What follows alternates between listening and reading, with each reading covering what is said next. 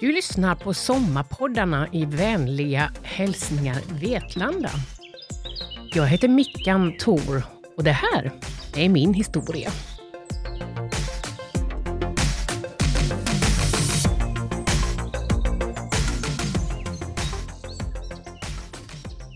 När jag skulle få ihop innehållet till det här poddinslaget, ja då packade jag en korg jag tycker det här med korgar, riktiga flätade korgar, är så somrigt och så picknickaktigt.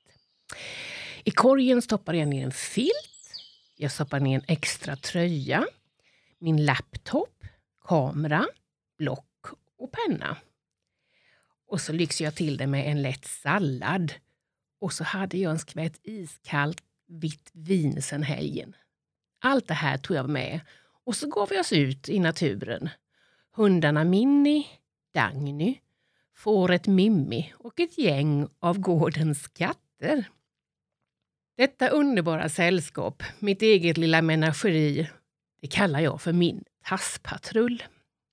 Och det är lätt för oss att gå ut och göra sånt där. För på våra ägor så har vi både här och där, tack vare min käre make, tillika gårdens husfar Göran, flera härliga högst opretentiösa, men små sittplatser här och var ute i den kringgärdande vegetationen. Uppe i Lövhagen till exempel, där det är väldigt många fågelholkar och därmed också ett fantastiskt fågelliv och förstås fågelkvitter. Där ligger det sittstockar utlagda lite här och var. Man kan sätta sig en stund och filosofera uppe på Grillkullen som ligger uppe på en höjd i mitten på vårt Norragärde, som man säger. Norragärdet alltså. Där har vi en eldstad i mitten. På, runt om finns det ungefär tio sittstubbar. Ungefär som en modern eh, domarring kan man ju säga.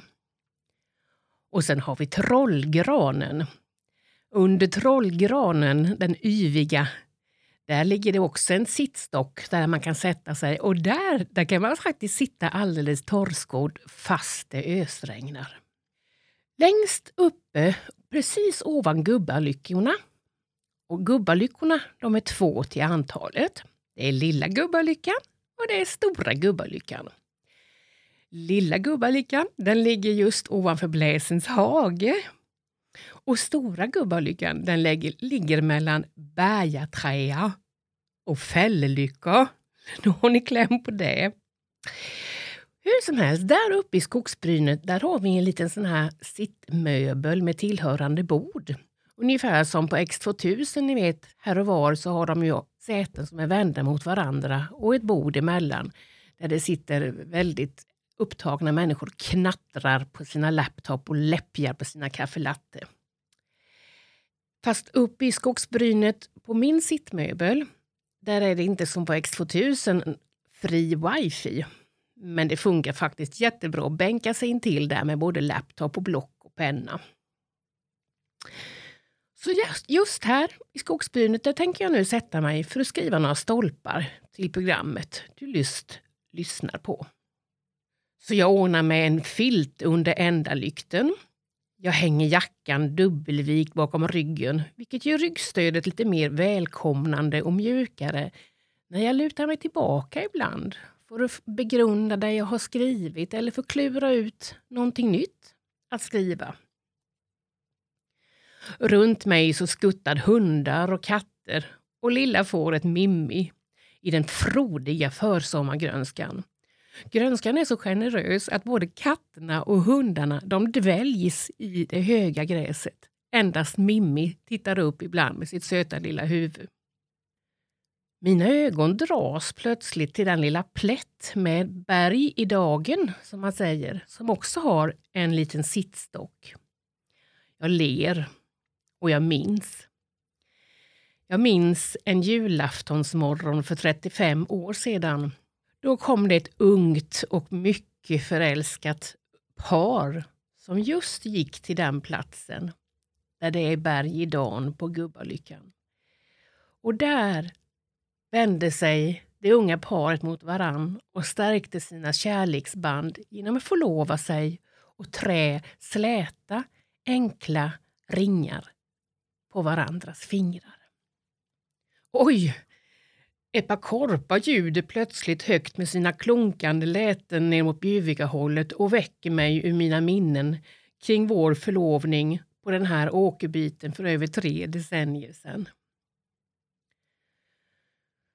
Jag ser mig omkring och tänker att det är inte särskilt vackert väder egentligen. Det är ingen värmande sol precis, men det är en hyfsad behaglig temperatur.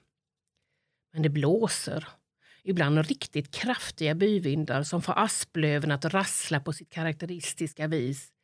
Nästan sådär lite olycksbådande. Björkkronorna de väser och fräser i vinden. Och de höga furornas grenverk de vajar helt ljudlöst fram och tillbaka. Helt följsamma och fast beslutna att följa den rådande vindens lag. Däremot kan det knaka och knarra lite mödosamt och motspänstigt i stammarna när de tvingas böja sig i de kraftigare vindarna. Precis intill mig där jag sitter är det späda och just belövade rönnträd, eller träd, kan man säga buskar istället. Och de böjer sig helt ödmjukt, som vore de redan medvetna att de inte har något att säga emot vindens styrka.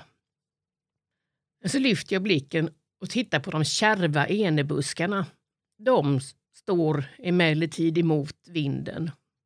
De står där de står som en gammal enveten och seg småländsk odalsman.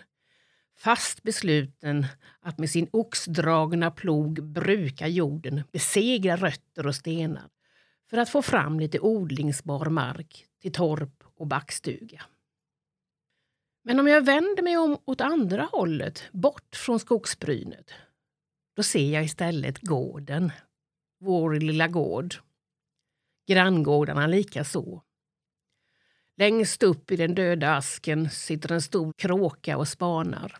Det måste vara gårdens bästa spanarläge för det sitter nästan alltid en kråka där. Jag ser två katter som går på vägen upp mot mjölkbordet. I ängen går ett stort gäng fina simmentalkor och betar. De repar så smidigt av gräset med sina sträva, starka tungor och deras sävliga kalvar betar i kornas närhet. Eller så ligger de behagfullt och skönt obekymrat utsträckta i gräset.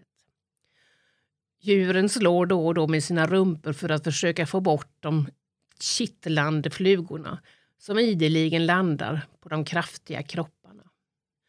De är så vackra där de makligt går och äter och deras färger accentueras av faluröda byggnader, och bodar. En mörkt blå himmel och en intensiv grönska ut i ängen. Eller ängen. Salig farfar Alvar, han sa alltid änga. Kora det går ut i änger idag. Och på tal om änger. Jag bara måste berätta en liten rolig grej kring just det här med änger. Namnet på byn som vi bor i är Kärr. Ja, numera heter det visserligen Nävelsjö Kärr, men det är ju ett mer modernt påhitt av byråkratiska skäl. I folkmun är det alltid Kärr. Eller om vi ska vara riktigt uppriktiga så är det lite mer åt A istället för Ä, det vill säga kärr. Om det ska vara äkta nevelskitiska. Hur som helst, om du smakar på namnet kärr, ja, då kan du säkert lista ut att det har att göra med att det är våta marker, väta eller kärrliknande vegetation kan man säga. Och när jag och Göran tog över hans föräldragård i Kärr, då lät vi gräva en damm ute i änga. För det var ändå så himla dåligt bete så varken hästar eller kor, och än mindre vi människor, ville gå där ute bland surhålorna. Det var ett vågspel att gräva en damm. Vi kunde faktiskt inte säkert veta att det skulle komma vatten. Men vatten kom och jag fick min egen lilla lyckopöl där jag gärna simmar i tidiga morgnar. Och samtidigt som jag simmar så fyller jag också på mina inre depåer av förnöjsamhet och lycka. Därav namnet Lyckopölen. När farfar Alvar kom hem till Kärr en väldigt varm sommardag Ja, då propsade barnbarnen på att även farfar skulle bada med dem i dammen, i Lyckopölen.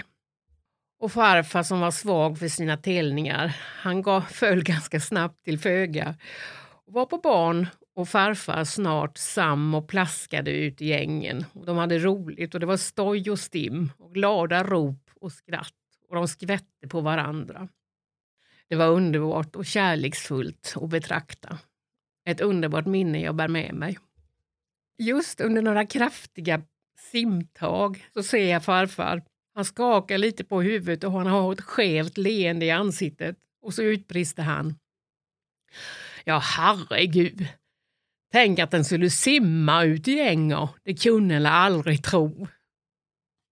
Nu undrar du väl snart vem jag är egentligen som sitter här och pratar om högst lokala namn på ängar och åkrar och skogar och bryn och lyckopölar och kossor. Jag heter Mickan, Monica, Inga, Linnea, Tor. Ibland när folk reagerar på mina namn, då brukar jag säga att ja, jag är precis som Pippi Långstrump. Kommer du ihåg alla hennes namn? Kan du din Astrid Lindgren? Pippi heter ju Pippi Lotta, Victualia, Rullgardina, Krusmynta, Efraims dotter Långstrump. Jag har inte lika många och lika spännande namn som Pippi Långstrump, men hur som helst, det är så jag heter. Finns det fler liknelser, tro, mellan mig och Pippi Långstrump än våra många namn? Ja, det gör det faktiskt. Kärleken till djur till exempel. Pippi hon har ju sin häst Lilla gubben och så har hon sin lilla apa, Herr Nilsson, som faktiskt i filmerna var en markatta. Och ja, jag har ju hela härliga Tasspatrullen. Och den består av katterna Isaias Tegnér, Rudolf, Oskar. Oskar heter egentligen Oskar Storfot. Grolle Groda, H.C. Andersen, Sissen, Spöket, Findos, Turbo, Nils och så Randis. Och så har vi hundarna Minnie och Dagny som är två Jack Russell-hundar. Sen har vi ponnyerna Vippe och Rocky och så har vi getabocken Billy och så har vi mitt älskade lilla får Mimmi. Plus en hel hoper höns och tuppar förstås, men de följer sällan med på promenader. Slutligen består tasspatrullen också av en lanttant. En lanttant som för ett par år sedan råkade få epitetet Sveriges färggladaste lanttant. Det är ni. Den tanten det är ingen annan än jag själv. Som med raggsocksbeklädda fötter nedstuckna i storstövlar och i shorts och sannolikt ärmlöst linne strövar omkring genom skogarna med hela eller delar av sin tasspatrull. Mm. Vad har vi mer då gemensamt? Pippi, Pippilotta, Victualia, Rullgardina, Krusmynta, Efraim, Dotter Långstrump och lanttanten Mickan, Monica, Inga, Linnea, Tor. Jo, Pippi och jag delar även det okonventionella sättet att ha sina djur på. Vi blandar djur av olika sorter. Vi låter dem gå tillsammans och låter dem gå lösa. Både Pippi och jag pratar med våra djur och vi tror att vi förstår dem, att vi kan liksom höra vad de svarar oss. Vi vill leva symbios med våra djur som vore de våra bästa vänner, arbetskamrater, våra familjemedlemmar helt enkelt.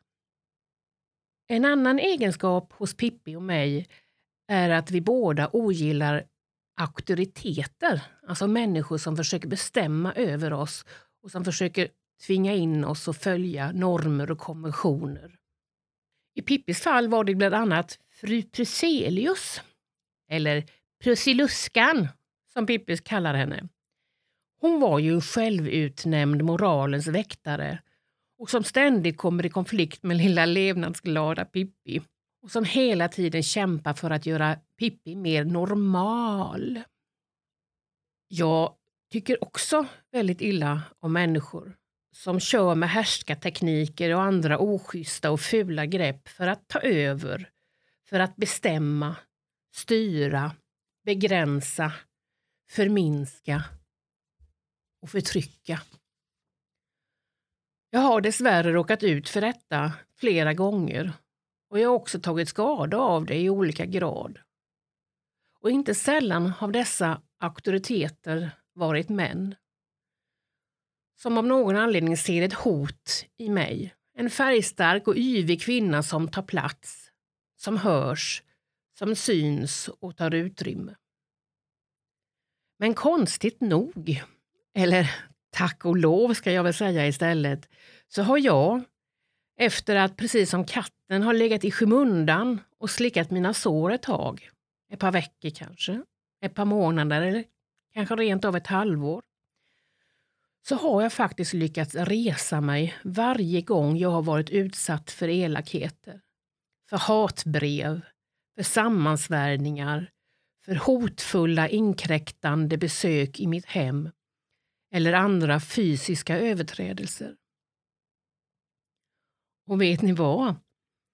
För varje gång jag har rest mig så har jag faktiskt bara blivit mer och mer målmedveten att som en motvikt till all illvilja som finns så vill jag fortsätta försöka sprida glädje och färg. Och gärna kärlek. Mer glädje, färg och kärlek åt folket alltså. För gudarna ska veta att vi lever i en värld som behöver mycket kärlek. Jaha, men det här låter kanske lite väl pretentiöst. Religiöst rent av. Men att sprida glädje är faktiskt en drivkraft jag har inom mig. Och många av mina föreläsningar har ofta titeln med glädjespridande som drivkraft. Men jag är samtidigt väl medveten om att jag kan bara nå de människor med, med mina budskap om glädje och färg och kärlek. Jag kan ju bara nå dem som har öppna sinnen, som har mod och vilja att låta sig beröras. Jaha, tänker du nu när du har lyssnat på det här att det där låter ju bra, men eh, på vilket sätt gör hon det då? På vilket sätt sprider hon glädje, färg och kärlek? Jo, men du, det ska jag så gärna, så gärna berätta. För jag försöker sprida glädje och färg genom bilder och berättelser. Genom att dela med mig om litet och stort, glatt och allvar, dråpligheter och vårdligheter från mitt liv ute på en småländsk småbrukargård och livet tillsammans med mina djur. Och det här får jag göra bland annat i mina böcker, i mina fotografier, genom mina föreläsningar, genom mina vykortskollektioner, genom min blogg Njutbart blädder och genom andra sociala kanaler på vilka jag är ganska aktiv och har många följare. Jag får också möjlighet att sprida glädje genom mitt jobb som inspiratör och skrivkursledare. Mm. Som du nu säkert har anat så är jag ju lite av en mångsysslare. Fram tills för några år sedan så arbetade jag som fastanställd journalist i dagspress. Men tog, just efter faktiskt en sammansvärjelse av ett gäng chefer, steget att säga upp mig för att fullt ut satsa på livet hemma på gården med mina älskade djur omkring mig. Satsa på författandet, fotograferandet och föreläsandet. Äntligen hörni, äntligen var jag efter 40 år framme vid punkten där jag skulle låta fröet som jag planterade i botten av min själ när jag var tio år gammal och stod utanför Björns bokhandel och fascinerat tittade på alla böckerna som stod där. Så lockande, så förförande, så hemlighetsfulla. Vad dolde sig där inne mellan pärmarna? Vad sa orden, meningarna, budskapen, berättelserna? Och som de lockade mig i böckerna. Och där och då, där jag närmast hänryckt stod framför bokhandelns lockande böcker, då gav jag mig själv ett löfte, planterade ett frö, en dröm, inombords. Jag sa att en dag, en dag ska här stå en bok på vars rygg det står författare Mickan Tor.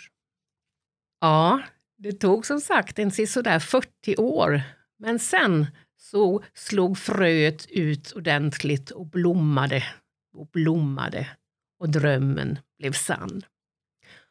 Och nu hörni, nu står det inte bara en bok på vars rygg det står författare Mickan Tor, utan tio olika böcker. Och jag kan inte säga annat än att jag är stolt och glad över att ha lyckats med detta. Men jag måste också vara ärlig och tillstå att det inte har varit särskilt lekande lätt. Eller som man brukar säga, det har inte varit någon dans på rosor. Det är stentufft att försöka överleva som författare. De egna insatserna är mycket stora medan inkomsterna är mycket ringa. Det finns också en annan sida. För det har sina sidor med att jag genom mina böcker, blogg och sociala medier med tiden har blivit mitt eget varumärke. Jag delar så gärna och frikostigt med mig av både bilder och berättelser om gården, om djuren och om mig och jag gör det på olika sätt. Och jag är så glad att jag får andra att bli glada och skratta och delta och få vara med och få insikt om livet här. Men jag vill inte ha besök i tid och otid hemma på gården. Det är faktiskt jättejobbigt och jag får ont i magen så fort jag hör att en bil knastrar och nästan stannar och sen stannar den och så slås bildörrarna upp och så ropar man. Är det här som Vikan Tor bor? Vi vill titta på hennes djur och hälsa på dem. Vi vill inte bara titta på dem i böckerna utan vi träffar dem i verkligheten. Sånt här händer tyvärr hela tiden och det gör mig otrygg när jag är hemma. Det gör mig ledsen. Och jag vill åberopa den gamla devisen Mitt hem är min borg. För där hemma så vill jag känna att jag är trygg. Och jag vill också få den ro jag behöver för att kunna skapa. För att kunna dela med mig mer. Ja, som du förstår så är det ett svårt, en svår balansgång att vara sitt eget varumärke och ändå vilja ha sin integritet. Jag måste nästan bara berätta. En gång så var det, fick jag ett argt telefonsamtal av en man som sa så här. Vi hade besök av några vänner häromdagen och vi tog en tur förbi din gård. Och vi körde sakta förbi och så vände vi vägskälet och så körde vi sakta förbi tillbaka. Och vi såg inte ett enda djur. Inte ens en höna ja, vad svarar man på det? Förlåt att du inte såg någon höna. Men jag är trots allt väldigt privilegierad som lever det liv jag gör, som lever det liv jag vill ha. Jag har fått förverkliga mina livsdrömmar. Jag har ett hem jag tycker om. Jag bor i min egen hembygd, min eget älskade Nävelsjö. Och framförallt har jag ett hem att komma hem till. Det är inte alla förunnat. Jag lever ett liv i fred och demokrati. Jag lever med snälla grannar och goda vänner. Och jag lever med alla mina älskade familjemedlemmar nära, både två och fyrbenta. Och jag är för det mesta faktiskt väldigt lycklig. Men jag är också mycket, mycket ödmjuk i insikten om att livet är så skört. Så skört. Så skört att man måste själv vinnlägga sig om att vårda och värna. Att uppskatta och värdesätta varje dag och varje stund. Att se det där lilla och det stora i det lilla. Att vi ser det här som vi faktiskt har omkring oss istället för att vi stirrar oss blinda på det vi inte har. Oh, nu kom jag på en sak till som vi har gemensamt, Pippi och jag. Vi har båda en mamma som är en ängel i himlen. Men en sak som vi dessvärre inte har gemensamt, Pippi och jag, det är kistan med guldpengar. Den är jag lite avis på Pippi för. Men jag har så mycket annat, så vad gör det när det kommer till kritan? En fortsatt fin sommar önskar jag er alla. Le ofta. Kramas mycket. Kom med i Glädjespridarklubben du också. Sprid glädje. Är du generös och ger bort mycket glädje och kärlek och färg så får du det tillbaka, jag lovar. Åh! Oh, tyst! Jo! Nu ropar göken. Ho, och en västergök dessutom. Och västergök är ju västergök. Ho, ho. Ho.